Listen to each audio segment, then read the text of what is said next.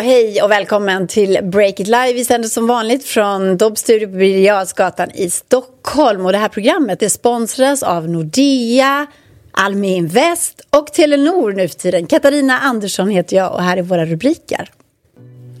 Hemnet ska till börsen och vi har alla detaljer. Hur många Hemnet-knarkare köper in sig? Splay har sålts, men finns det en framtid för Youtube-nätverken? Och nu så ska alla göra live-ljud. Spotify ger sig in i racet ihop med LinkedIn, Twitter och Facebook. Vem vinner det här? Där är våra rubriker och här är veckans gäst Hanna Videll. Varmt välkommen till Break Live. Tackar, tackar. Kul att du är här, verkligen. Ja. Du är poddrottning och serieentreprenör skulle jag vilja coina dig som. Ja, men det är härligt. Mm. Det tycker jag. Jag skriver hej... under på det. det gör jag. Och hej också till Tobias Blix som är reporter på Breakit och poddredaktör. Hej Kat. Och så kastar vi oss rakt in i eh, nyhetsfloden den här veckan. För i morse så kom en nyhet om att Hemnet, alltså plattformen där man säljer och köper bostad, de går till börsen, eller hur Tobias? Ja men precis. Uh, och Breakit-läsare de har ju vetat det här rätt länge. Uh, vi avslöjade ju i november faktiskt att Hemnet var på väg till börsen. Uh, men idag så har de själva gått ut och bekräftat i alla fall då, att man ska börsnoteras här innan, innan sommaren är det väl sagt i alla fall. så nu, nu är det officiellt officiellt kan man säga. Och nu är det på gång. Mm. Och vi kallar in Breakits grundare Olle Aronsson som är med oss på länk. Olle, Hemnet, eh, det är ett av Sveriges mest kända varumärken måste det vara. Hur går det för dem egentligen?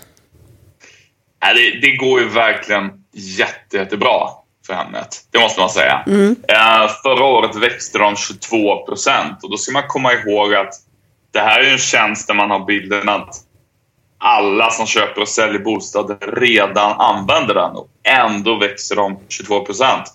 Mm. De har dessutom väldigt hög lönsamhet. Nästan varannan eh, krona är vinst, eller det siktar de på. Nu har de 37% lönsamhet och de siktar upp mot 50.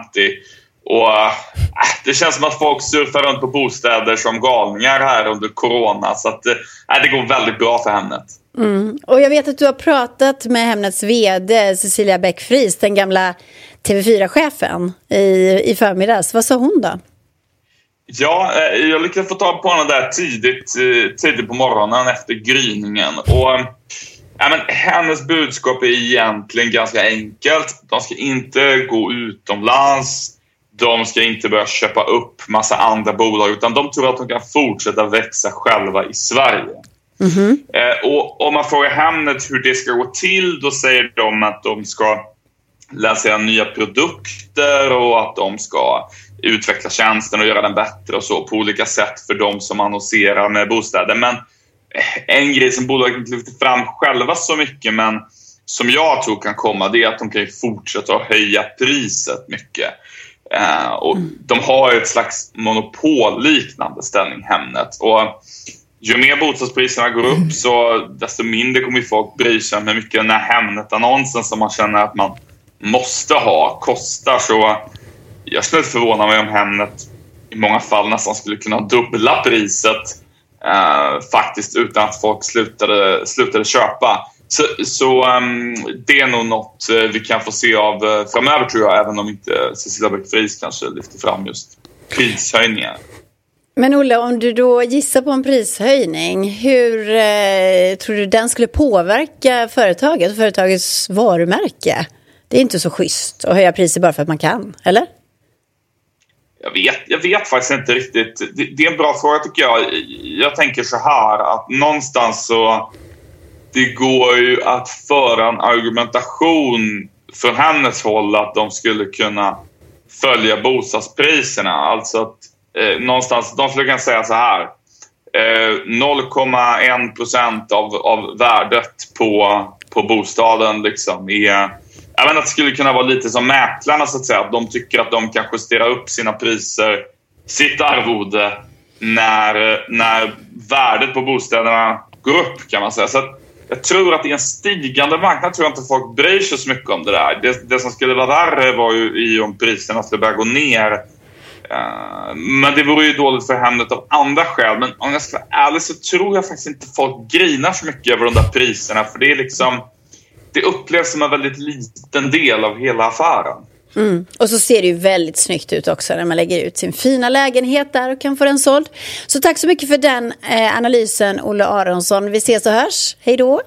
Och jag vänder mig till Hanna då. Eh, vad har du för relation till Hemnet? Nej, men jag är inne på Hemnet flera gånger om dagen. Ibland.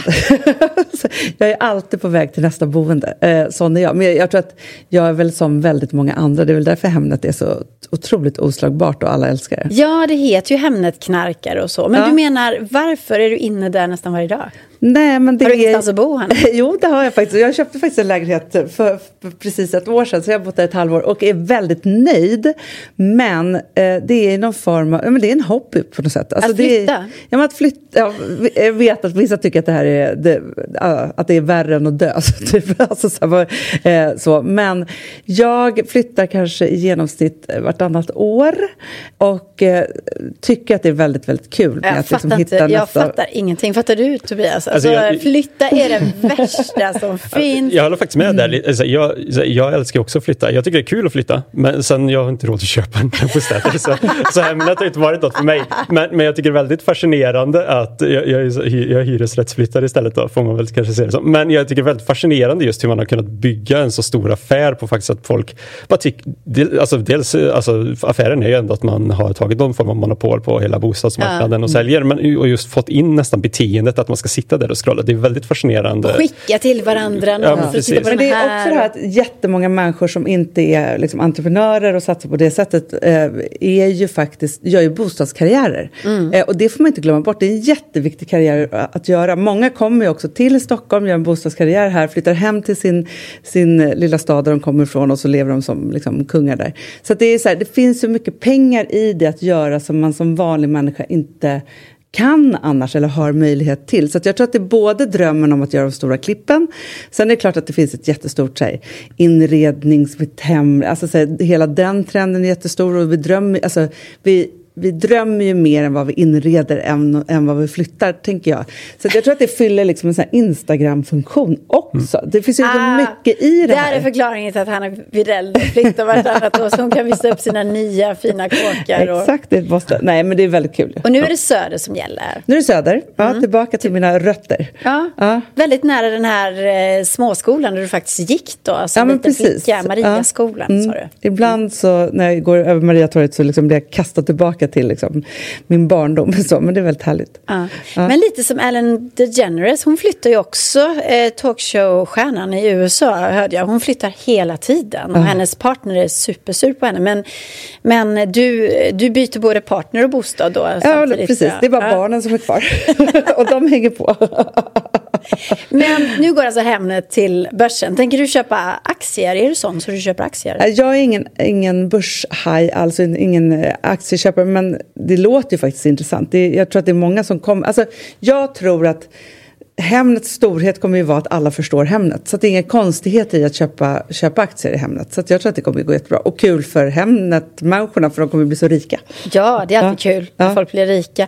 Men det här, vad tänker du om det Tobias? Att de inte tänker eh, gå utomlands? Alltså varför kan de inte bredda sig? Varför satsar de bara på Sverige, tänker du? Det är en väldigt, väldigt bra fråga eh, som ställer mig lite. För jag har inte jättebra koll på bostadsmarknaden utomlands och hur det ser ut och hur man jobbar. Eh, så lite svårt att säga på det. Men det, det kanske finns. Men jag tycker verkligen att de borde göra det. För, nej, men det här är jättesvårt. För ibland så drömmer man ju om att man ska köpa ett mm. chalet i Italien eller en lägenhet i New York eller vad man nu är på väg liksom, i hjärnan.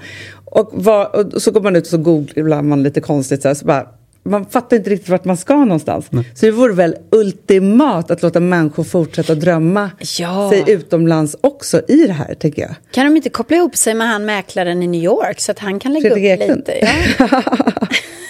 Men han inte, har sin egen sajt. Är inte det de här, eh, finns det är ju så här, det, fin, det är ju en annan storhet i det här kanske. Det finns ju konkurrent, eller en konkurrent i alla fall, typ som försökte starta med Bonio som massa mäklare försökte starta i någon form av uppror. Aldrig Nej, jag menar det. Det är det jag skulle säga. Det, och, och det är lite så här, så här, de är inte konkurrent för att de är så små fortfarande kanske, men det är ganska stora mäklare som står bakom det. Det är väl där tyngden ja. ligger kanske, men ja. sajten inte kommer. Men de, de hade väl lite som så här de fördelar de försökte pusha fram var väl lite i alla fall att man på något sätt utlandsboenden skulle de försöka få in där men också typ så här eh, att lägenheten hamnar först hos dem tror jag. Mm. Liksom, och, och, få någon push där. Men, men, som du säger, du har inte hört talas om dem. Vet inte, det jätte...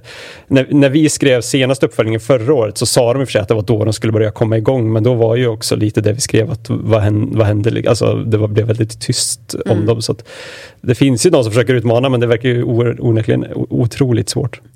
Men alltså en liten extra flik på Hemnet skulle vi då eh, hoppas på där det står utlandsboende mm. för dig som drömmer. Ja, så bara klickar man i där lite olika härliga städer och så får man vara. Det är som säger, jag tror att folk gör det, den grejen egentligen på Airbnb. Ja. Så. Det skulle Hemnet kunna köra också för de som verkligen vill köpa och inte bara hyra. Och du poddar på lite extra så kan du köpa ja, ja, något nytt chateau någonstans. Exakt. Ja. exakt. Till nästa nyhet som jag vill ta upp det är eh, att Youtube-nätverket Splay är sålt. Hur gick det till, Tobias? Uh, nej men, jag fick, jag fick en så att min mikrofon var hög så jag sänkte den. Men nej men precis, det gick till så här att uh, Nent, det är de som har Viaplay också, den här streamingtjänsten som alla känner till, om man kanske inte känner till Nent i alla fall. Men de har haft, också haft det här Splay One, uh, mm. som ett slags YouTuber-nätverk kallar man det väl. Uh, och har egentligen försökt sälja det i, i ett år utan att det har gått så bra kan man väl säga. Alltså det har varit svår, svårsålt kunde, mm. kunde vi på Breakit också avslöja. Och, i, I och med att man inte fick sålt så snabbt som man i alla fall ville ha gjort. Nu har man eh, fått, fått det sålt, kom det här i veckan. Vi vet inte för hur mycket eller? Vi vet inte för hur mycket. Det är spännande om ja. du har varit ute salu för ett år. Nej, precis. Nej, men vi vet ju inte hur mycket de fått. Värsta reapriset antagligen. Ja, Spe spekulationer, men, men absolut, det har ju varit svårsålt. Och, så, så det, det, kan man ju ändå spekulera i och det, anledningen till det, ja, Youtube-nätverk kanske inte är riktigt het, lika heta som de var för några år sedan när mm. Disney hade sitt Maker eller vad det hette liksom, mm. och, och, det var så störst. Uh, men, men Nent gör väl ändå någonting klokt här, tänker jag i sig, att man vill satsa mer på manusdrivna serier och liksom få in... Nej, men de, jag, ja. jag tycker verkligen att Nent går från klarhet till klarhet i just att bli jättestora på streaming, mm. vilket är fantastiskt. Jag tycker, jag ska skryta då och säga att vi har premiär på vår första dramaserie. Eh, jag och Amanda spelar två systrar på Viaplay i höst. Dramaserie? Eh, ja, dramaserie. Ja. Spelar ni er själva eller? Nej, men, eh, nej, absolut inte. Utan det är Julia Ragnarsson och Dylan Gwynn som spelar de här två systrarna. Eh, så eh, så det, vi, hade det varit idag så hade vi tagit Fredagspodden så hade vi gjort en dramaserie. För så ser ju liksom gångarna ut idag liksom, när man mm. hämtar content från podd. Men vi skrev också tre romaner emellan. Det var jättejobbigt. Och tog men hur hinner ni allt det här? Det låter helt sjukt. Ja, det var, det var helt sjukt faktiskt. Men vi gjorde det och sen så är det då Yellowbird som producerar den här. Så den har faktiskt premiär då. Men man ser ju verkligen, för de har ju också satsat på poddar och de har satsat på massa olika saker och varit ganska otydliga i det. Mm. Nu är de ju oerhört tydliga och det tycker jag är bra. Och jag förstår också, för att det är ju streaming och, och innehåll till det är ju så stort och då förstår jag att de inte vill hålla på med andra saker. Nej precis och, det är ju, och de, man har ju sagt via Play, från via Play-hållet att man vill mm. satsa stort och liksom gå i Europa i alla fall. Och eller ja, de är väl i några i Danmark och grannländer och sånt fall och vill satsa utåt internationellt. Och det, det, alltså, det är ju väldigt dragkramp om innehåll överlag nu. Mm. Liksom. Det är inte, så sagt, för några år sedan var det ju liksom Netflix och så kanske alltså, några få aktörer. Nu kommer det in bara senaste halvåret väl egentligen. Disney Plus i Sverige, Paramount mm. Plus lanserar nu i Sverige och Discovery Max eh, som också Discovery, har liksom ja. gjort om hela sin profil och blivit jättebra. Så det är ju det är en jättekamp om ja. innehållet och det är en stor affär som växer explosionsartat. Det ser man ju på hur, hur snabbt bara Disney Plus har växt liksom från noll till vad är det, ja, jättemycket i alla fall. Ja, så, så det är väldigt klokt att faktiskt fokusera mm. helt och hållet på den delen. Det tror jag också verkligen. Men om vi går till Splay då som nu har blivit utkickade och sålda. Eh, jag kommer ihåg Splay jättetidigt för jag var på Söder, på någon gat, bakgata där när Viggo Sörman startade Splay så var han i någon liten källarlokal på Söder och startade Splay. Och de hade någon, en enda greenscreen intryckt i ett hörn. Och så började de jobba med, med YouTubers. Mm. Och... Eh, Eh, sen gick ju det där vidare och så. Och Hanna, du var ju med på den här tiden när det här med YouTube-nätverk skulle bli någonting. För du var ju inblandad i mm. United Screens som ja, var en grann. Nej, men så, men det var konkurrent. Ju, när vi startade Perfect Day, precis, och det är tio år sedan snart, och då var det så att det var som hetast med de här YouTube-nätverken också.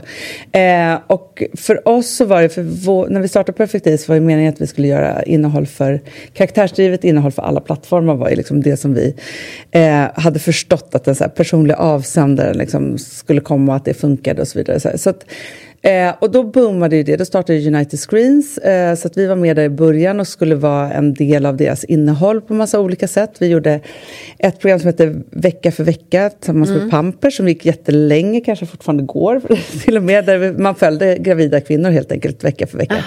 Eh, så, och vi gjorde mat-tv med Jonas Kramby och vi gjorde sketcher med Alex och Sigge och vi höll på. Liksom, eh, så. Det skulle man ju vilja se idag. Ja, sketcherna är faktiskt jättebra. De håller jätte, jättehög nivå. De ligger nog kvar på Youtube fast de inte ligger i liksom, nätverk. Men, och då startade jag också Splay. Jag tycker Vigor var superduktig. Han var snabb och han liksom knöt sig till liksom, menar, alla de stora och var bra på att göra liksom, en affär mm. på det i början. Och, så det var ju, och TV4 skapade sitt och så vidare. Så det här var ju verkligen något som alla skulle göra. Men vi hoppade faktiskt av United Screens ganska snabbt för att vi förstod inte riktigt hur vi skulle hur man skulle göra affär på det här. Hur mm. det skulle bli att för den egna youtubern så fanns det ju en, en given affär. Eh, att vara superkul och ha jättemycket följare. Och youtube hade redan satt upp jättemycket bra sätt för den enskilda personen eller gänget, vilka som nu gjorde det här, att tjäna mycket pengar. Så de behövdes inte helt enkelt? Då? Nej, jag tror inte det. Jag tror att det blev lite konstlat i att liksom, så här, de ska komma in och äga. Det ska börja produceras innehåll. Mm. Var det verkligen det man ville ha på youtube?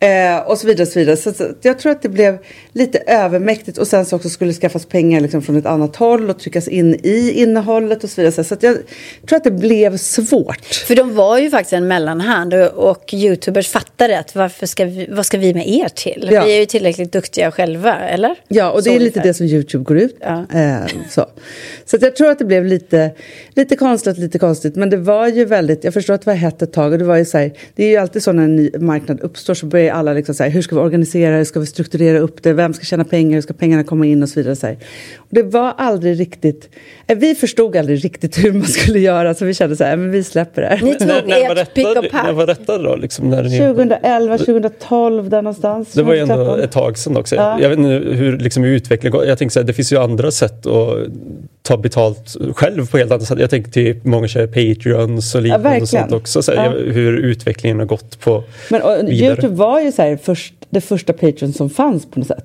Eh, så, för den enskilda mm. liksom, individen. Så det var ju coolt på det sättet. Liksom. Mm. Så att, och det gick ju bra för Viggo Sörman ett tag. Jag ja. Eh, besökte honom på nästa kontor. Det var på Östermalm. Men att han sålde så snabbt, det var jättesmart. Alltså, så, han gjorde sig verkligen en, en Ska superkarriär.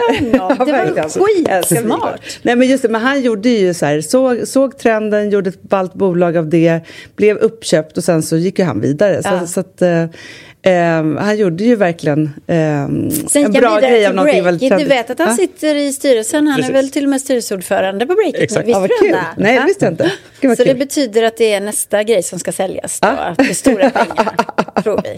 Kanske.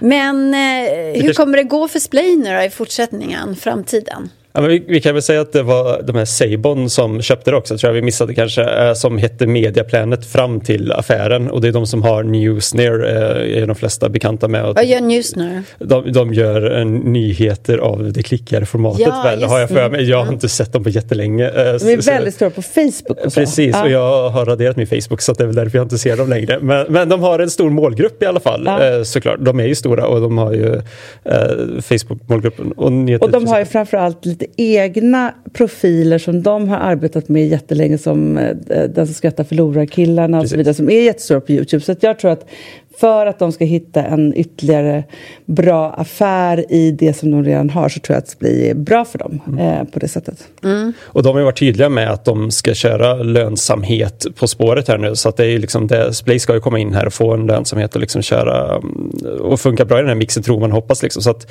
det finns ju eh, en frihet men med ett tydligt mål är väl så de själva beskrivit det. Mm. Uh, och de har väl som jag förstår det rätt bra liksom så här, uh, alltså annonsbolagssatsningar och sånt som de kör. Så det kan säkert funka där.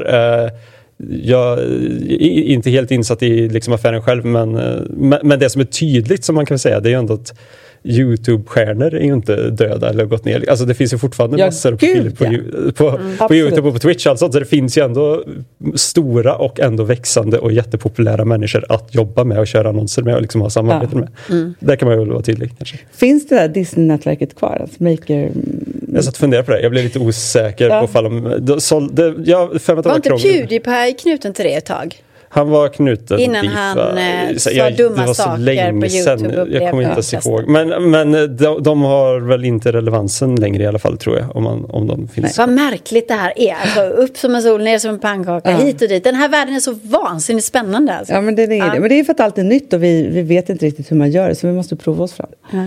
Till något annat nytt då. Eh, en tredje nyhet som vi vill ta upp.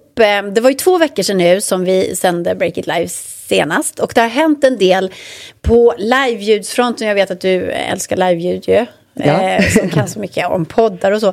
Men Först hade vi Clubhouse-hypen, den har vi snackat mycket om här.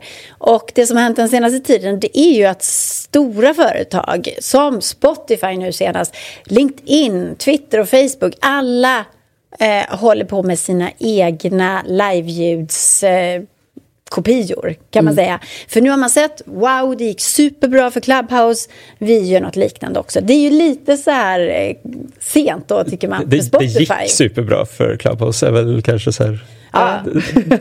det börjar väl kanske vända neråt nu eh, enligt vissa rapporter i alla fall. Eller att så här, den första initiala hypen börjar mm. avta i alla fall lite. Så, uh, ja.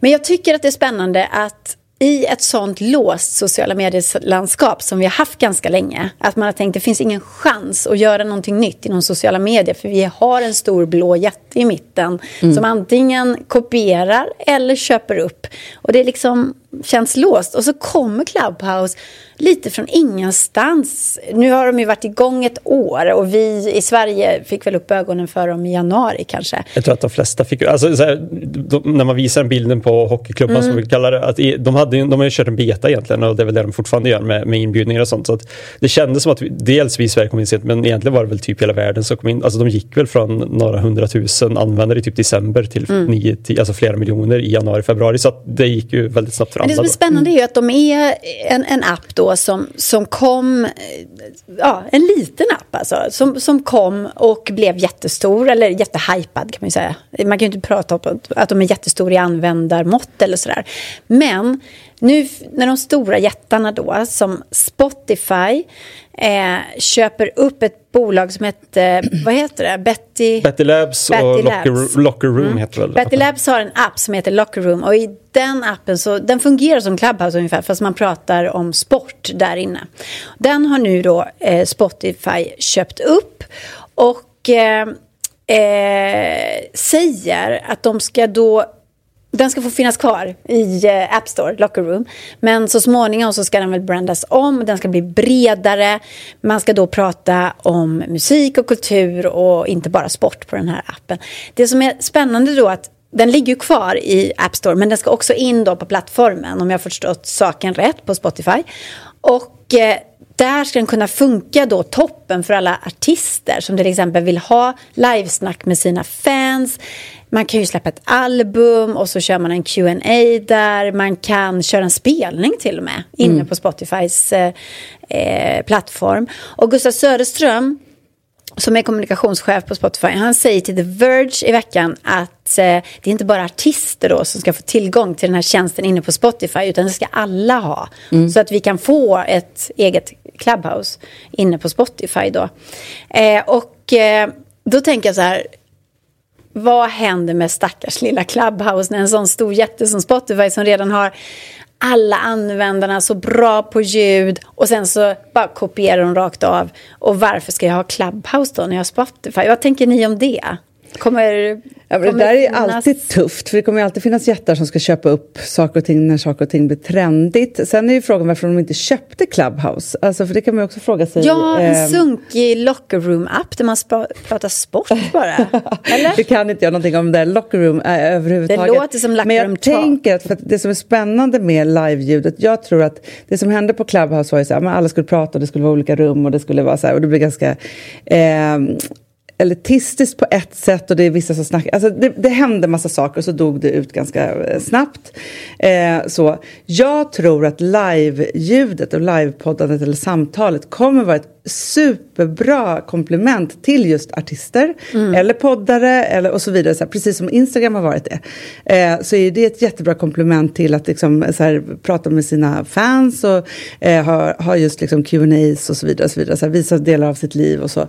Så jag tror att det kommer vara en del. Och sen så tror jag att det är jätte, jättebra. Alltså just att LinkedIn har gått in på, på, på det också. Så är det ju så att där att olika företagare pratar med varandra och budskap som man vill få ut och nya saker som man vill prata om och berätta om. Alltså det, är ju, det har ju varit föreläsningarnas tid. Varför vi inte ska göra det digitalt är egentligen jättekonstigt. Eh, särskilt efter den tiden vi har befunnit oss i nu. Mm. Så det finns ju otroligt mycket användningsområde. Men jag tror inte att det kommer vara det där där vi hänger och bara håller på och gojsar runt på det där sättet. För det blir inte underhållning på det sättet. Gojsa runt ska man inte det göra. Det var mycket gojsande på Clubhouse.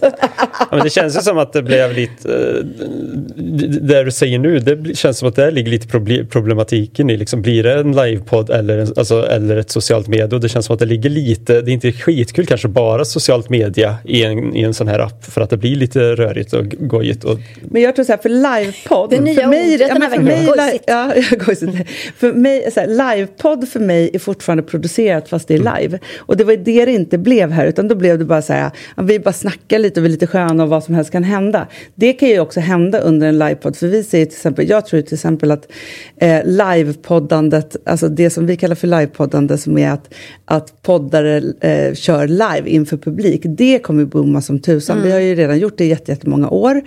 Eh, och man känner ju att ju mer digitala vi blir, desto mer viktigt blir det fysiska mötet också.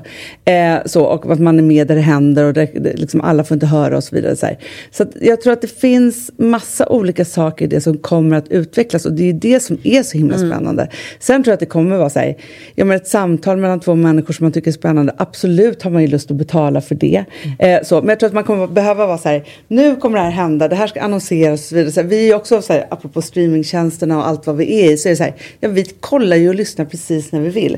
Om det då ska vara så här, åh nej, det är nu, jag vet kan, alltså, så här, det är ju en stress som jag tror liksom, folk inte riktigt kommer ja. klara av och orka. Liksom, men det där kravet har ju funnits på, på Clubhouse, att hur ska man kunna tjäna pengar på det här? Och nu har man i alla fall eh, lagt in en tjänst som att man kan dricksa dem som man lyssnar mm. på, åtminstone då. Mm. Eller hur? Ja, precis. Men det känner ju inte, det, det, kan man ju som användare i så fall tjäna pengar på, eller de få som har fått det än så länge, eller om den som börjar testa den. Men det är ju inget som Clubhouse själva tjänar pengar på alls, än, än i alla fall. Nej. Uh, för det har de väl sagt att allt ska gå till, till de som man dricksar till i så fall. Men mm. det är mm. väl en potentiellt i framtiden att man kan ta betalt. Men det är ett krig om öronen, så det är klart mm. att det, är så här, det kommer ju vara ja, den som har flest öron hos sig på något sätt. Bara ett inlägg i det du sa, det där att det blir inte så himla kul att sitta och lyssna på ett eh, samtal där någon bara går in i ett rum och tänka att vi är två härliga människor, vi kan snacka lite. Mm. Både du och jag som har jobbat så mycket med ljud, jag är uppvuxen eh, på P3 en gång i tiden och sen har jag jobbat med ljud hela mitt liv då. Mm. Alltså, jag kan ofta vara frustrerad över att alla tycker att det är så jävla lätt med ljud. Liksom. Ja. Och jag bara säger, om det ska bli riktigt bra så måste man ju jobba på det. Och ett manus är rätt ja. viktigt. men vi ser ju det jättemycket, alltså just nu att, att skapa en podcast, en framgångsrik podcast idag. Eh, vi, när vi började för nio år sedan, ja, men då var det inte så många som poddade och det ställdes inte så höga krav. Ljudet kunde vara lite hur som helst. Alltså, så här, dåligt ljud går absolut inte. Eh, så, och det ju massor, alltså, så här, ja, man tänker så här, men de här två är kul och de kan prata lite så startar man en podd. Och de kanske kommer upp i så 3000 lyssningar. Liksom så, och då är det jättepopulära människor med stora flöden och så vidare. Så här. Men det händer inte riktigt. Alltså det, överföringen av att man har liksom många på Youtube eller på Instagram eller vad man nu liksom har sin, sin, sina, sin följarskara. Det är inte alls säkert att de hänger på bara för att det liksom är någonting annat. Mm. Och har man inte en tillräckligt kul, spännande och välproducerad produkt så kommer man inte upp där. Och det är, alltså vi, ser, vi, vi utvecklar nya poddar hela tiden och ser det. Eh, och vårt jobb är såklart att förutspå vilka som kan bli stora och inte. Men vi gör ju också, ibland så tror, tänker vi så här, det här är givet händer ingenting. Eh, så, så det är jättespännande. Och, men det har hänt bara de senaste två åren skulle jag säga. Mm. Eh, att klimatet är något helt annat. För de som lyssnar, de vet vad de vill ha idag. Tal, talar det för, tänker jag, att eh, Spotify ligger bättre till i det här livesamtalsformatet som gör mycket, då köper in producerade poddar och satsar mer på sånt innehåll än Clubhouse och Twitter och LinkedIn som inte har någon erfarenhet alls och kanske bara vill göra ett socialt medie. Att eh, det finns en bättre chans på Spotify att göra något bra med den här typen av live Det finns ju alltid eh, en bättre chans om man har har råd att producera massor med härligt innehåll och ha liksom, de största och bästa. Och, liksom, så. Eh, och nu vet inte jag hur det har gått för, för Bruce Springsteens podd till exempel. Och så vidare, så men, men, men så, här, så att ibland är ju de största inte alltid bäst. Men det är klart att vi måste ju komma dit. Alltså om man tittar på webb-tv och det vi pratade om förut så var det ju också så att så här, ja, men först var webb-tv knäppa klipp på Youtube och nu är det liksom Game of Thrones och så vidare. Alltså det är ju all streaming som vi ser egentligen. Podd och ljud kommer ju också gå den vägen så att vi kommer ju kräva mer och mer. Så det kommer finnas liksom kvar knäppa roliga korta klipp. Liksom så. Men just i podd idag så är det också så att här, varje podd har ju ett nytt sound. Soundet ändras också jättemycket. Vi har ju Ursäkta till exempel som vi gör som är ju egentligen en podd i ett Instagram-format. Alla deras ämnen är otroligt snabbt klippta och liksom har ett sound och liksom så vidare. Så här. och det passar ju dem jättebra. De är störst i Sverige just Vad nu. Vad handlar den om? Den, handlar ju, den började med att det handlade om, det handlade om ja, Edvin och Johanna då, som, mm. som har podden och deras uteliv egentligen. Hur de tog sig som underdogs liksom ut i utelivet och allt vad de gjorde. Men sen kom ju coronan så nu handlar det om lite andra saker men folk är inte tröttnat. De är väldigt Eh, liksom, de är i sina 25 år och liksom allt struggle av vad det liksom handlar om. Men också väldigt duktiga komiker som är duktiga på att producera roligt innehåll. Men ibland är det också becksvart. Så att, eh, det är allvarligt också, men den är jätte, jättefin och bra och skrattig. Jag, jag, trodde du byggde bilden av att folk låg hemma och så lyssnade på att vara ute i uteliv nu. Men, det, men, men innehållet är ju också Det var så jag tänkte. Att man får lyssna på gamla. Ja, de, de gjorde så här, apropå, de, har ju, de kallar ju det för att de livepoddar när de spelar in olika klipp ute från krogen och så. De bara, nu är det livepodd och så, ja. så här, kör de och så spelar de in det så här. Vilket är jättekul, men, men det här kommer väl komma tillbaka då. då. Men det är spännande att se så här, hur ljudet utvecklas hela, hela hela tiden och hur man skaffar sitt sound. Och det fanns ju på Clubhouse ett rum som hette Fredagspodden Känslarummet. Det var ett sånt fint rum. Vad gjorde man där? Nej, men de pratade här, om saker som vi pratade om på ja. samma sätt. För det var jättehärligt. så. Nej, men jag tror att alla olika saker behövs. Jag tror att Spotify kommer lyckas jättebra. Jag tror att Clubhouse kommer säkert komma upp dit igen när de har repat sig lite från att alla ska göra det. Jag tror att LinkedIn kommer ha jättestor... Alltså alla som är på LinkedIn älskar älskar ju. De försöker ha samtal med sig själva och varandra och jämt hela tiden sina bolag. Det, det känns som helt rätt klientel alltså. De, där kommer det köras. Ja, liksom ja. Så. Det kan väl eh, dejtas digitalt på olika sätt. Men det jag försökte säga innan var det här med att när någon uppstickare kommer och så kommer de stora jättarna och kopierar och då mm. blir det lite synd om den här lilla uppstickaren som kom upp med den här fina idén. Man kan ju ta till exempel Slack som jag tycker är ett väldigt fint eh, företag. Som vi använder ju tjänsten. Det är en, ja, för de som inte vet, en, en chatttjänst helt enkelt där man chattar med sina medarbetare och, i olika kanaler. Ja. Och den är snygg och man mår bra där inne i deras, på deras plattform tycker jag. Man mår bra på men Slack. sen kommer, nej, så här, sen kommer Microsoft bara, mm, det där med Slack, det, det verkar ju coolt, vi måste göra samma sak. Så gör de något som heter Teams, ni har det säkert, eller vi har det på stora arbetsplatser. Ja. Och det är så himla fyrkantigt och sterilt. Så här. Men chefen vill ju att man ska vara där och chatta där då. Vi inte... kör ju WhatsApp. Jaha. Hela ja. bolaget på WhatsApp. Men jag menar, eh, de tillhör ju Facebook ja. så det är inget ja. som uppstickare menar Eller de var ju det en gång i tiden ja. men sen så gick de över till den onda sidan. Men jag tänker så här, de här bolagen som ändå försöker stå på sina egna ben och faktiskt kom upp med en idé som, som var något som andra tog efter. Blir det inte lite taskigt då att nu kommer Teams, Microsoft med sin Outlook hur många användare som helst. Jo, men alltså, det är alltså- alltid så. Man kan ju alltid tänka sig att man skapar någonting och springer alla om. Eh, jag tror att om de hade... Alltså, du kan inte göra alla liksom, teknikaliteter och hur det är och så vidare. Men jag är helt övertygad om att Spotify, här, Spotify bara hade köpt dem om de var bästa alternativet. Tänker jag. Men det kanske är... Och då hade, alltså, Spännande! För det är väl det som ska hända. Liksom så. Och jag tänker att en bra idé, en bra idé, en bra idé. Och den bästa idén med det bästa innehållet vinner alltid. Mm. Det är mm. alltid den liksom, tesen som jag Men går det här efter. måste vi ta reda på, den här tesen om att de inte köpte Clubhouse för att något annat var bättre, rent tekniskt eller whatever. Kan inte du ta reda på det till nästa gång då, Tobias? Prata Absolut. med Spotify och fråga varför det blev locker room och inte Clubhouse. Ja, det, är, det är lite sånt spännande i och för sig. Uh, sen kan man väl säga att Clubhouse har väl hyfsad uppbackning ekonomiskt också. Uh, så de har, har nog pengar att strida för. De är väl ute och jagar nya pengar också just nu till och med. Tror jag, det är inte synd om någon. Det, där sätter vi punkt. Jättebra. Okej, okay. vi är snart tillbaka. Vi ska till ett sponsrat inslag. Varsågoda.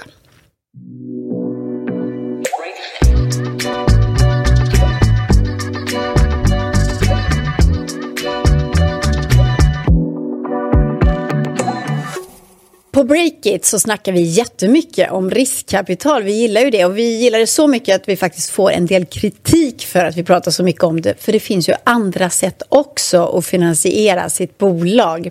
Och därför så säger jag välkommen nu till Nordeas eh, Alice Kossman. Och Hej. till Jesper Eriksson som är ekonomichef på den hypade appen Lifesum. Hej! Hej!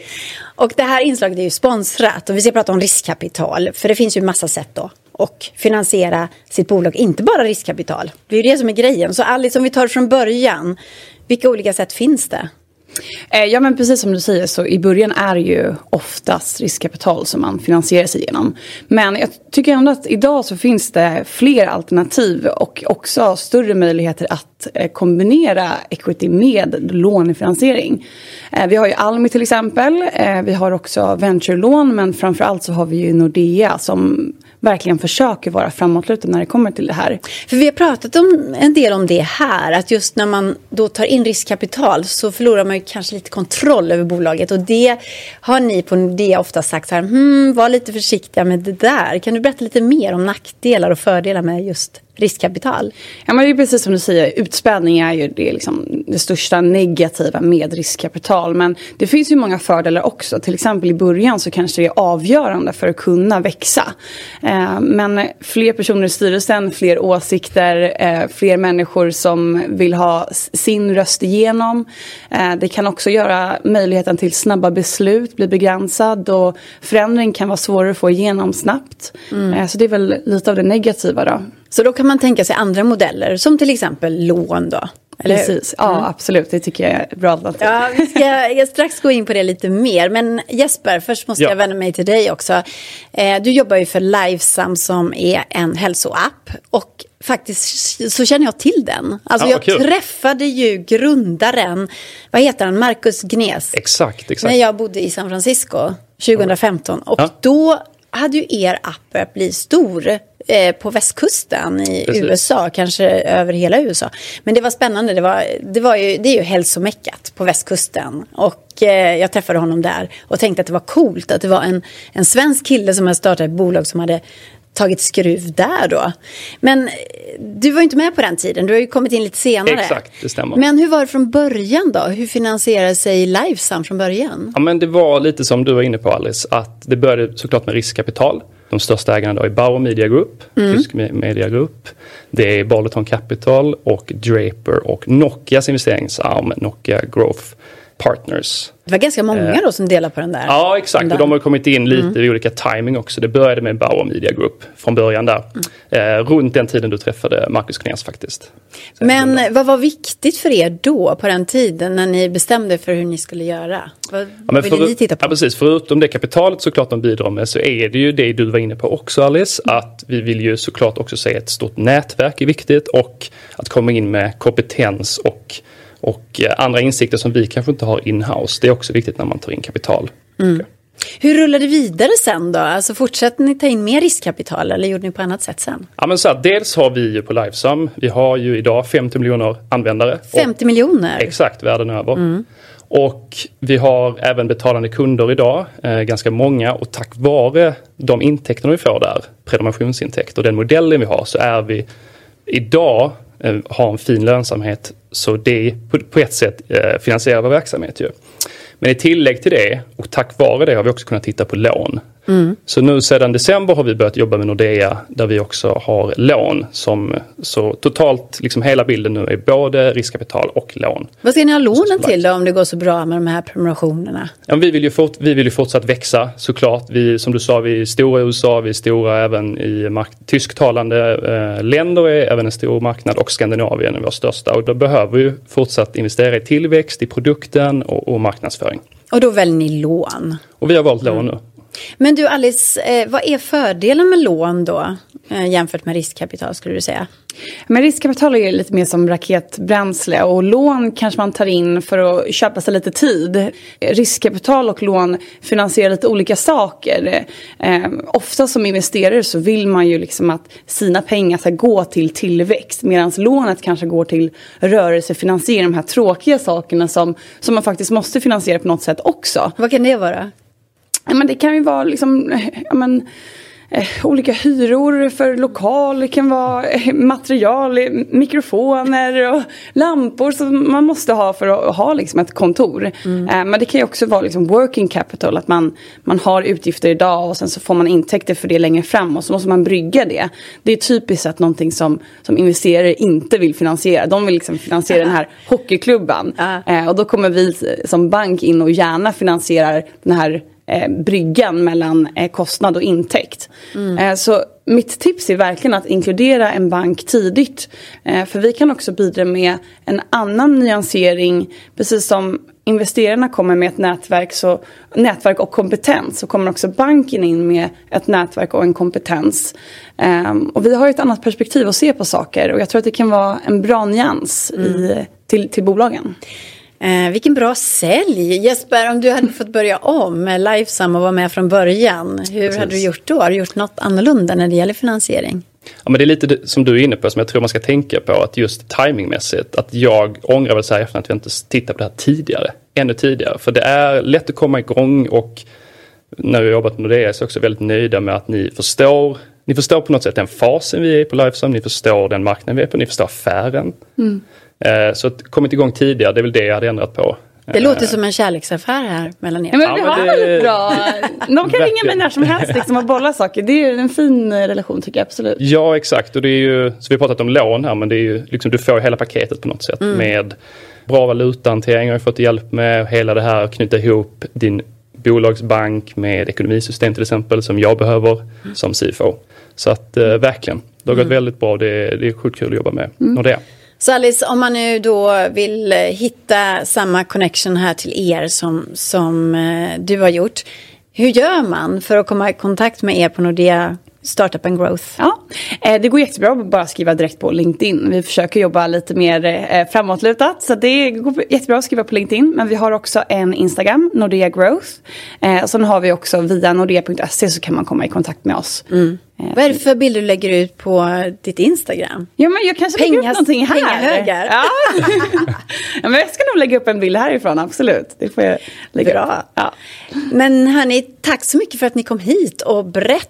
Alice Kosman från Nordea och Jesper Eriksson från Livesam. Tack. Och tack så mycket också till Nordea som backar Break It Live. Nu går vi vidare tillbaka till Hanna Videll.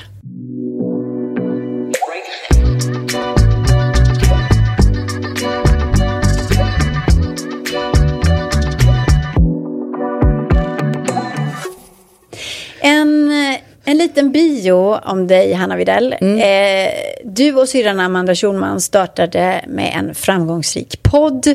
Ni byggde poddbolag. Sen gick ni vidare. Det blev bolag efter bolag inom skönhet. Ni startade klädmärken. Ni gjorde fler grejer. Det blev ett femtontal bolag när ni hade som flest bolag. Det låter ju inte klokt, men det var 15 bolag ungefär. Mm. Och du och Amanda har jobbat ihop hela tiden. Och så är ni systrar och familj. Tröttnar ni aldrig någonsin på varandra? Vi, vi får ju den frågan ofta. Mm. vi kan ju inte leva utan varandra. det är det. Vi har så roligt. Men också så här, vi blir också modiga för att vi är två. Vi, någon som, folk är så här, men bråkar ni inte? Och så, så här, vi bara, men vi bråkar ju med alla andra. Vi måste ju hålla ihop. Eh, så. Men vi, nej, det är, vi brukar säga det att vi är ju Eh, för vi förstår ju när folk ställer den frågan att syskon bråkar väldigt mycket. Och vi är faktiskt fem systrar, så det är vi är bara två som liksom Men gud, ihop. är inte de andra tre helt avundsjuka att ni nej, har de det här nej. kotteriet? Amelia, hon har sitt framgångsrika Meli Meli softbolag som mm. går med dunder och brak. Eh, så, och de andra är små. Eh, men jag och Amanda, vi sitter liksom ihop och har alltid gjort. Mm. Sen är vi olika på massa sätt, men vi tycker alltid samma och känslan är alltid samma. Men det här med familjeföretag, för ofta så pratar vi om de här konflikterna som det kan bli i bolag. Det har varit fruktansvärda konflikter ju i många bolag där det ja. bara knakar och brakar och bolag går sönder. Och det är allt från Steve Jobs och hans, eh, ja, ni vet. Ja. Eh, det där kommer aldrig hända er då? Och Amanda? Jag tror faktiskt inte det. Jag tror att vi är väldigt, väldigt noggranna med vår relation. Vi vet ju vad det skulle kosta. Alltså om vi, om vi liksom är lite os... Alltså om vi skulle vara det, vi skulle må så dåligt. När vi skrev våra romaner som vi pratade om tidigare. I de här böckerna, i första boken framförallt, så är de här systrarna jätteosams. Alltså vi mådde så dåligt. Vi, skrev, vi skriver varsin syster. Det var mm. jätteobehagligt våra förläggare. var så här, håll ut, håll ut. De var så osams lite till. Vi ville bara bli sams igen. Så, så att nej, det, det det är ju, nej men när man vet, alltså Amanda är ju eh, en, alltså mitt livs viktigaste relation och mm. eh, det finns inget pris i världen som skulle liksom, ja, eh, vara Vilken värt. systerkärlek! ja, men, ja men så är det och så är det på riktigt. men sen hösten 2019 så har två av era bolag satts i konkurs, eller är det mm. tre? Två. Två. Och eh, ni fick också en stämning på halsen för att konkursförvaltaren menade att ni hade gått före i den här kon konkurskön och gynnat då eh, själva i den här konkursen. Så man kan ju säga att där från hösten 2019 och en bit in på coronaåret så, så var det ju ganska turbulent för er. Eh, hur var den där tiden för dig? Nej men alltså alla, jag tror att så här, alla som är entreprenörer, man jobbar med sina egna drömmar. Eh, så, och man jobbar också stort och man satsar allt och det är med liv och lust och liksom allt vad det nu innebär. Och att driva bolag som privatperson är ju tufft och att också då misslyckas och göra det i offentligheten är stenhårt. Alltså. Mm. Så det var såklart en tid som var jätte jättejobbig och eh, sorglig på massa olika sätt. Man var tvungen att begrava massa saker som man hade trott på. Trodde, alltså, så här, man, tror, man vill ju aldrig hamna där, där vi hamnade, såklart. Eh, och Ja, men det var ju massa so saker. Samtidigt som vi har ju, pratar faktiskt om det i, vi spelade in podden då, som kommer imorgon. Och vi pratade faktiskt om det att att herregud vad vi har... Men så här, vi har ju lyckats med massa saker och så misslyckades vi med en del. Och att man, man, är, man är inte den man var innan när man har gått igenom en sån här sak. Nej. Man är ganska lite tilltufsad och, men ganska ödmjuk. Eh, och kanske lite modigare på andra fronter och så vidare. Så det är ju så. Och startar man massa olika saker så är det såklart att allt kan inte gå bra. Mm. Och nu är ni på banan igen, koncentrerade på poddar. Ja, och vi har förlikats. Vi är av med den här stämningen. Jag måste bara säga det, för det har ju stått så otroligt mycket i all media om detta. Eh, och vi, det, nu har vi lagt, oss, lagt det bakom oss, så vi är klara mm. med det. Men bra. Eh, du var ju ganska sur på oss på Breakit då. För att Supersur, Breakit, Breakit skrev ju, eh, såklart fick ni ja. negativ press, för det hände negativa saker runt omkring mm. er. Och eh, du var riktigt upprörd på många artiklar och det blev bråkigt. Och du ställde in en medverkan här i Break It Live eh, hastigt och lustigt och tyckte att rapporteringen var orättvis helt enkelt. Och någonstans där i det läget så tänkte vår chefredaktör, han hade också lyssnat på dig när du hade ondgjort dig över Break It i din egen podcast Nej, det var, var det. på Clubhouse. Clubhouse, ja, var det. På Clubhouse ja. Då snek ju Jon, då, vår chefredaktör, in och lyssnade på det där och då blev väl han sur tillbaka. Men då tänkte han så här, nej men nu måste jag och Hanna Videll ta tag i det här. Ja. Vi kan inte ha en sån här relation. Som, som en mogen chefredaktör så tar han luren, ringer upp dig och så har ni ert krissamtal, lite terapisamtal. Och Jon fick förklara varför vi skriver och du fick ge din bild. Så här, hur mm. upplevde du det där samtalet? Nej, men jag tycker att det var väldigt bra. Det är så här, jag tycker så här, vi ska alltid granskas. Alltså, så här, vi är ju, alltså, alla bolag ska ju, göras, eh, ska ju såklart granskas och det är så här, gör man fel så ska det skrivas om och så vidare. Så. Men under den här perioden, för det måste jag också säga att det här var ju våran, eh, våra, eh, vi hade ju skönhetssalonger, vi hade ett skönhetsmärke, det var ju de som då har gått i konkurs.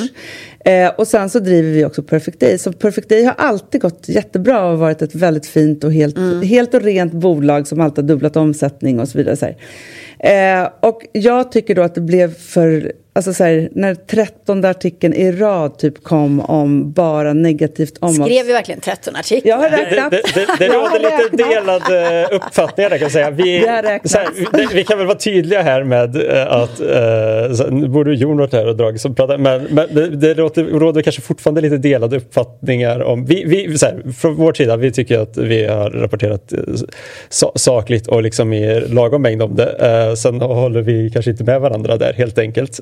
Men, men det kan vi väl vara tydliga med. Och jag är ju så här, så här, Nej, men, men, så här, jag uh. tycker att 13 artiklar är helt okej. Okay. Om det hade varit sex också som handlade om våra andra saker. För att så fort vi skickade in en pressrelease om någonting positivt, då var inte det suget. Jag fattar så här, Hanna och Amanda med negativ klang, så här, det blir jätteklickigt. Jag fattar det. Jag är också mm. mediemänniska. Så. Men ibland så är det också så att man behöver eh, liksom byggas lite. Men med det sagt så var jag lite så här, ja, men ni, man kan ju inte bara så här, släpa människor i gruset och vara så här, kom till Break It Live har vi lite mys. Och då var jag så här, nej nu skiter jag ja, faktiskt. Nu är det nog. Men nu har jag och Jon ja. försonats ja. Eh, och det var underbart. Eh, ja. Jag tycker att det var ett jättebra samtal, jag älskar att han ringde upp.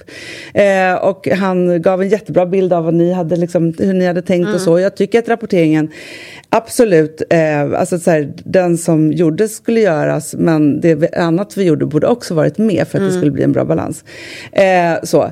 Men, och vi är väldigt påpassade hela tiden så det är ju såklart att det är, så här, ja, det är som det Men nu är vi tillbaka och ja. eh, nu så ska ska vi väl inte konkursa några fler bolag. Så då, nu, nu Men jag måste bara fråga dig så här, för jag, jag, tänker att det finns ju, eh, som du säger, det är okej och rättvist att rapportera också när det går dåligt. Absolut. Såklart, det ja. måste man ju kunna göra. Ja. Och eh, det här var ju Eh, eh, journalistisk materia som man måste kunna publicera. Och sen tyckte du att det blev för mycket åt ena hållet och ni skriver inte om det här och sådär. Vi kan ju också uppleva ibland att det finns ganska mycket ömma tår hos entreprenörer och att man ibland eh, förväntar sig att vi bara ska heja på branschen. För det gör ju Breakit väldigt mycket också. Vi gillar ju den här branschen som vi och entreprenörer och Men det var två år av inget hejande kan jag säga. så det är bara, du kör googling på Breakit så, så här, vem som helst skulle gråta. Nej jag menar, tror du, tror du att, eh, nu har ju du skinn på näsan såklart. Ja men också inte, jag måste bara säga det så här, för vet, det är klart att det är så här, det finns ju jättemycket bolag och jättemycket entreprenörer och så vidare och så vidare. Så här.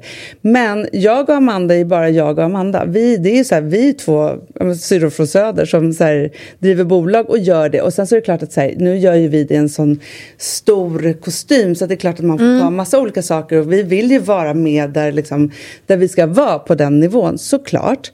Men däremot så är det ju så att det finns ju en, en person i det och vi, det var ju väldigt liksom, ja, vi blir väldigt personligt uthängda precis hela tiden och det gör ju ont ibland. Mm. Så är det. Ja. Man driver ju också ett företag, så här, vi, det finns ju ändå en jättestor nyhetsvärdering i att det är medieprofiler som det handlar om och, och att en konkurs är ju en stor, alltså det är ju en stor tung nyhetsvärderande, alltså mm. i nyhetsvärderingen så är en konkurs stor nyhet för oss jämfört med andra grejer, liksom om man skulle ha en poddrelease eller någonting så då är en konkurs något som smäller högt och det är liksom något vi rapporterar om där. Eh, men sen så för er så blir det ju såklart att ni är Ikea är ju Ikea kanske mycket, eller så här, var, vissa varumärken är varumärken men ni är ju Hanna och Amanda ja, också. Ja. Uh, vilket ju, eftersom ni är de medieprofiler det är. Uh, och sen har jag förstått, alltså, så här, jag förstår ju att alla är människor också. Men, men på något sätt så är det ju det brandet som ni har byggt. Så, så, så, Nej, men det blir nyhetsflash, Hanna och Amanda till hela svenska folket mm. i liksom kvällstidningen. Man tänker så här, är Hanna Amanda? Ja, men tydligen så är, är det liksom ett... ett ja. Jag måste fråga dig, Tobias, då, mm. när, när eh, det här är ju inte bara Hanna som har blivit sur på breaket ibland på viss rapportering. Utan det finns de här ömma tåren som jag snackar om. Och då menar jag, vad tänker du om det som reporter när du tar emot de här samtalen där någon är besviken, kanske till och med arg för det du har skrivit. Eh, hämmar det dig sen i din rapportering? Oj, hemma? Nej, men det tror jag inte. Det ska det inte göra. Nej, men så här, det finns ju massa olika samtal att få, kanske mm. först och främst. Eller inte samtal kan man säga också. Alltså, här, det finns ju uh, konkreta fall där folk ringer in och, och, det är något som är fel i en text eller liksom det är relevant, uh, relevant kritik. Och då kan man ju liksom åtgärda och, och, och visa sig, okej, okay, men det här mm. ska speglas rätt. Det finns ju fall då man så sagt kanske måste förklara hur vi har tänkt bara. Och, mm. och bara man förstår medielogik logiken i det hela så blir det lättare att acceptera nyheten också kanske själv och, och gå vidare och liksom se att det inte är någon, något personligt heller. Liksom. Mm. Och sen finns det fall där någon bara är väldigt sur och, vi, vi, och tycker att vi gör fel och där vi ja, men helt enkelt vi tycker att vi gör rätt. Mm. Och, och sen får du ingen intervju igen. Liksom, Nej, vi, alltså, det, så här, vi, vi, skriver ju med folk och man kan skriva positiva nyheter och då är folk glada. Eh, mm. Och sen så skriver man någonting negativt och då är man inte glad och då mm. så svarar man inte i telefonen när man ringer. Det är väl det vanligaste som händer, att man inte får prata med någon längre. Och det är liksom den på något sätt så våran publik, de vi skriver om är också våra läsare så för oss så blir det ju till skillnad Ja. om man skriver för en dagstidning som har Det är lite samma- spännande för att det är, ju, det är ju ett givande och tagande. Det finns en symbios här. Alltså entreprenörerna behöver ju Breakit för att lyftas upp och Breakit behöver också ha bra relation med entreprenörer för att få nyheter och sådär först. Så att det finns ju alltid en balansgång här men som journalist kan man ju aldrig ta det som intäkt för att inte skriva om någon. Det går ju inte. Nej, precis. Det finns ju alltid faktan att utgå ifrån och skriva om siffrorna Mm. som vi ofta förhåller oss till. Sen som sagt, jag skulle säga att de, om man är i en mediekris eller vad man nu än är, tycker sig vara i, liksom, Mm. det, det bästa man kan göra är ju ändå fortfarande att alltid prata för då kan man ju vara med och ge sin bild hela tiden. Alltså, det- jag skulle säga att det värsta man kan göra när en journalist ringer är att inte svara. Mm. Och eh, framtiden nu då när vi är över den Ja, här, eh, det är- den här, det här bråkiga då. Så vad ska vi skriva om framöver på Breakit? Nej, men, om ja, men vi har varit dig? jätteduktiga under den här perioden måste jag säga. För att i alla kriser så kommer det ju väldigt mycket bra i det i och med att man liksom ser över allt egentligen. Så, vilket jag också tycker att man ska göra. Så att vi tog ett strategiskt beslut i eh, början av förra året att vi skulle verkligen, för det har ju varit väldigt mycket. Vi har ju gjort allt från drama till reklamfilm till sociala medier, haft jättemycket profiler och haft poddar och så vidare. Så, här. så kände vi så här, men det som har varit vår tydliga röda tråd i tio år, det är ju poddarna. Sen var vi väldigt tidiga eh, så i det. Och nu någonstans så är ju verkligen liksom, ljudbranschen mogen liksom, för allt. Så. så att vi har, och då så tog vi ett strategiskt beslut att vi skulle göra det. Pandemin gjorde att det skyndades på lite, men vilket var väldigt bra för oss för då fick vi ännu mer koncentrera oss liksom, på, på vår kärnaffär. Och det har visat sig varit väldigt, väldigt rätt. Så att vi, Perfect Day är idag ett renodlat podcastbolag. Och bra går det som satan också. Ni Ja. hade ökat er poddförsäljning med 40 procent skrev Breakit för några veckor sedan. Mm. Ja. Ja. Eh, nej men det går jättebra och det som är otroligt Betyder spännande. det att pengarna är på väg in Ja. i poddbranschen? Eh, för tittar man på reklam, alltså radioreklamen så är det, ja, men det är miljarder som vi pratar om som, som plöjs ner liksom alla radiokanaler och så vidare. Poddbranschen har ju varit lite försiktig och det finns ju två, antingen finns det liksom radioversionen som eh, Acast till exempel har och så vidare. Eh, och vi har ju våra liksom, annonsdrivna, eh, eller vad säger alltså, i våra annonser så pratar ju alla våra eh, poddare själva annonserna alltså, som vi har ju uppfunnit och kört sedan start och hållit i. Eh, och det har ju visat sig vara väldigt starkt för kunderna för konverteringen för dem är ju sanslös i det. Eh, men vilket är, är ju fantastiskt. Men det som är härligt att se nu är att pengaförflyttningen från några liksom 100 det var väl typ 100 miljoner för något år sedan och som nu faktiskt börjar öka på för att podd är så pass starkt. Mm. Men måste man fortfarande vara så där stor och känd som eh, du och Amanda, Alex och Sigge, Fredrik och Filip? De här eh, småpoddarna som vi snackade om, att det är svårt att komma över kanske 5 000 lyssnare. Finns det någon eh, ljusning för dem? Jag tror så här, annonsmarknaden, tror, alltså så här, för att man ska ha en professionell annonsmarknad så krävs det att man har räckvidd och målgrupper och så vidare så att det är mätbart. Eh, för att kunderna ska vilja lägga in de pengarna som det faktiskt kostar och med all rätt och så vidare. Så här. Men däremot så finns det ju nu ett otroligt fint klimat för alla småpoddare med Patreon, med en massa olika betallösningar. Eh, varenda, vi kommer ju se, ja, Eh, nu ska vi få så mycket hemliga papper och så vidare. Men det kommer jättemycket olika betallösningar på större aktörer också. Vilket är ju fantastiskt att eh, de som eh, har superfans men inte så många också kan tjäna jättemycket pengar. det. Eller jättemycket pengar. Men ja. Du, eh, jag försökte dra ur en nyhet från dig här. Den är liksom på vippen att komma ut. Ja. Men du tänker inte släppa den just här Nej, och vi nu. släpper ju en jättestor nyhet imorgon, både pressmässigt men också i Fredagspodden. Men som, gud, vilken cliffhanger. Eh, ja, men som är ytterligare ett bolag som eh, har startats. Eh, så. Men det, Men det är inom ljud då? Nej, det är det inte. Va? Du sa ju att ni skulle koncentrera er på ljud. Ja, men här är, ja, men det, är, vi, vi, eh, det finns vissa saker som vi inte kan låta bli helt enkelt. Nej. Men eh, som är, ja men det kommer bli roligt. Okej. eh, så. Det Men Perfect Day, det är ljud. Ja. Men du, eftersom vi pratar så mycket om liveljud här då, är det någonting för dig som du vill göra? Ett sånt poddformat med liveljud, att du tar upp folk på scen och...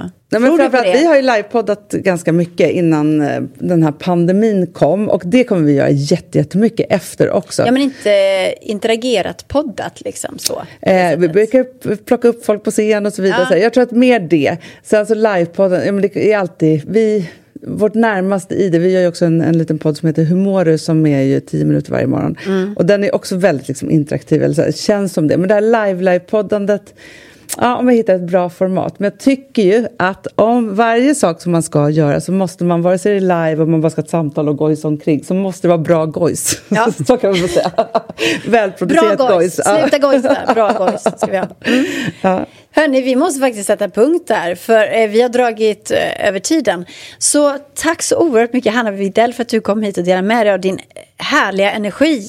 Ja, men och tack att, för att jag fick komma. Eh, det är så skönt också att vi har gjort upp, att ja. krisen är över, no hard feelings anymore. Nu var vänner. Mm. tack också till dig Tobias Blix, poddredaktören. Tack. Och eh, tack för att ni har tittat. Det här programmet sponsras alltså av Nordea, Almi Invest och Telenor. Och eh, om du vill så kan du lyssna på den här podden, alltså i ljudformat bara imorgon så ligger den uppe. Gör det och så ses vi nästa torsdag 13.30 om du vill. Hej då!